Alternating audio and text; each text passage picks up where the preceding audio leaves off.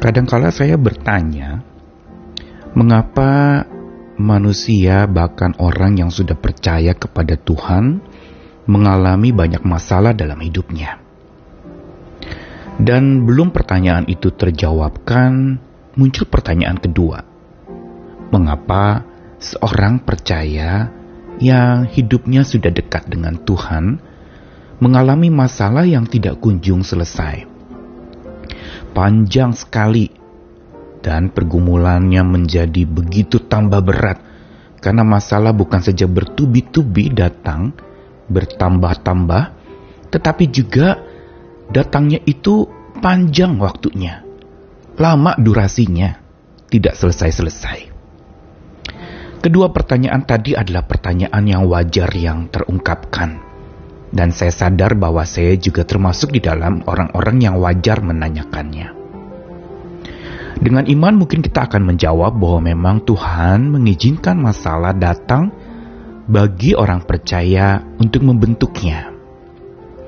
Tetapi juga Tuhan sering kali menaruh sebuah masalah tidak kunjung selesai atau panjang durasinya, tidak usai bahkan bisa jadi bertambah berat atau mungkin juga hidup sepenuhnya dan sepanjang hidup dibebani oleh masalah demi masalah sesungguhnya untuk satu maksud yang mulia dari Tuhan.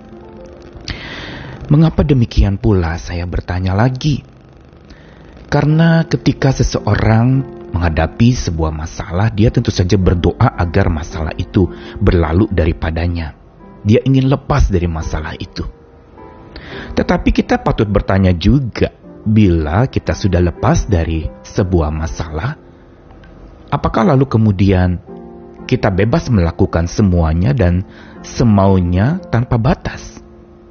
Kerap yang terjadi ketika orang hidup tanpa masalah yang berat bisa seenaknya, atau ketika sudah selesai dari sakit penyakit sembuh, lupa menjaga kesehatan atau bahkan mendengarkan banyak cara-cara untuk seseorang bisa pulih dari penyakitnya dan setelah pulih lalu kemudian akhirnya jadi berbuat seenaknya dan sekenaknya.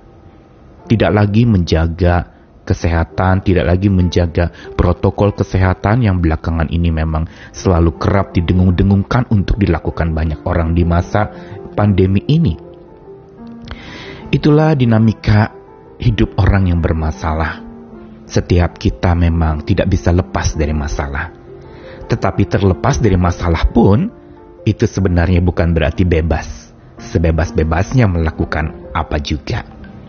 Saya Nikolas Kurniawan, menemani lagi hari ini di dalam Sabda Tuhan yang akan menyapa kita dari satu ayat Habakuk pasal 3 ayat yang ke-16. Dalam doanya Habakuk mengatakan demikian satu baitnya ketika aku mendengarnya atau mendengar suara Tuhan yang bergemuruh datang menghampirinya, gemetarlah hatiku. Mendengar bunyinya menggigilah bibirku.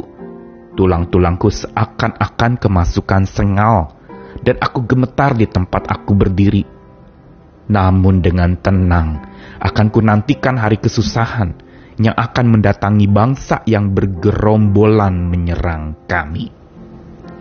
Kitab Habakuk adalah kitab yang unik, menarik sekali diawali dengan sebuah pertanyaan kepada Tuhan, mengapa orang percaya mengalami banyak pergumulan dan mengapa justru orang-orang yang dipakai oleh Tuhan untuk menghasilkan masalah dan membebani orang dengan masalahnya itu adalah orang-orang yang justru tidak takut akan Tuhan.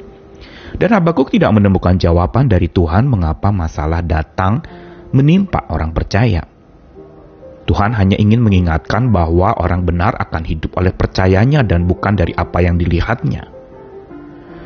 Namun di dalam Habakuk pasal 3 ayat 16 dalam doa Habakuk meresponi apa yang Tuhan katakan untuk seseorang hidup dari imannya dan bukan dari apa kata orang atau apa yang dilihatnya. Habakuk mengalami sebuah perubahan cara pandang terhadap masalah yang terjadi yang menimpa hidupnya. Perhatikan di situ di dalam pasal 3 ayat 16 tadi ketika Habakuk mendengarkan akan suara Tuhan yang mengadakan sebuah kedaulatan untuk menunjukkan masalah atau membebani orang-orang yang ada di dalam dunia ini atau umat pilihan Tuhan, maka Habakuk merasa gemetar hatinya. Dia menggigil bibirnya dan dikatakan tulang-tulangnya itu seakan-akan kemasukan sengal dia mengalami kegemetaran di tempat dia berdiri. Tapi perhatikan peralihan ini terjadi ketika dia mengatakan, dengan tenang akan kunantikan hari kesusahan. Mengapa Habakuk mengatakan dengan tenang akan kunantikan hari kesusahan? Berarti dengan tenang pula dia menantikan problem atau masalah hidup? Berarti dengan tenang pula dia menantikan akan kerusakan atau pergumulan yang lebih berat lagi? Yang dikatakan akan mendatangi bangsa yang bergerombol menyerang mereka orang-orang percaya?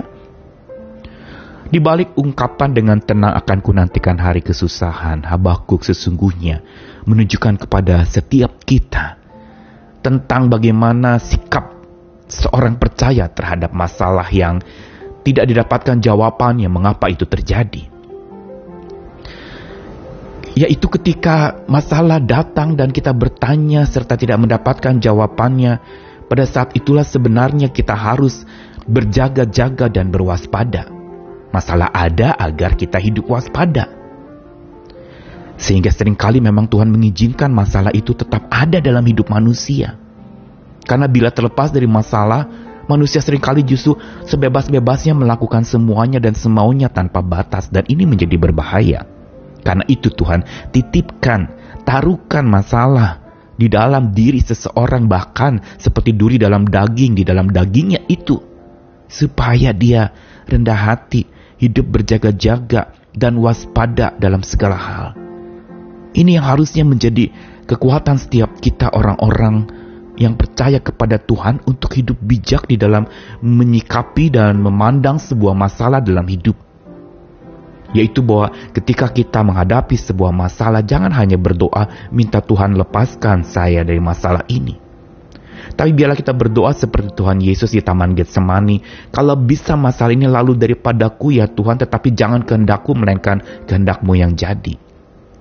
Dan di sinilah ada penyerahan. Di sini ada berjaga-jaga sama seperti setelah Yesus berdoa demikian di Taman Getsemani untuk supaya masalahnya berlalu tetapi biar kehendak Bapaknya yang terjadi. Dia katakan kepada murid-muridnya waktu itu yang tertidur, berjaga-jagalah dan berdoalah.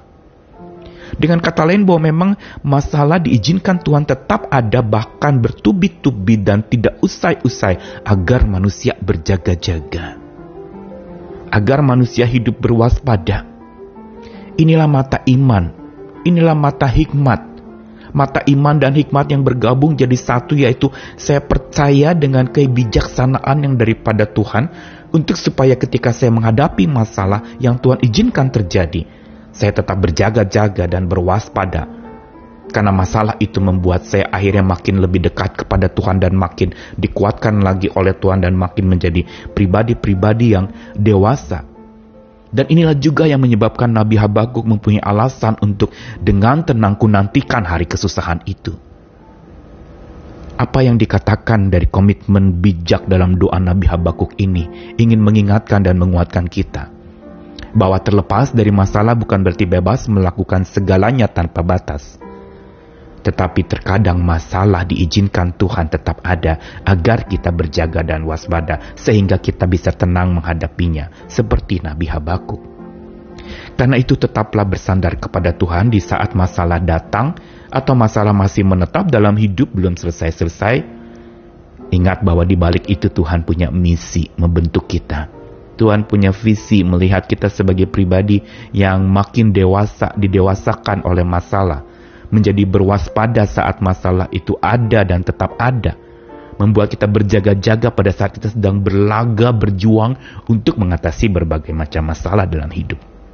Selamat tetap berjuang, selamat tetap semangat oleh hikmat Tuhan. Jadilah pribadi yang bijak yang menghadapi masalah dengan kewaspadaan yang tinggi dan berjaga-jaga senantiasa. Tuhan mengasihi, Tuhan menjaga kita. Amin.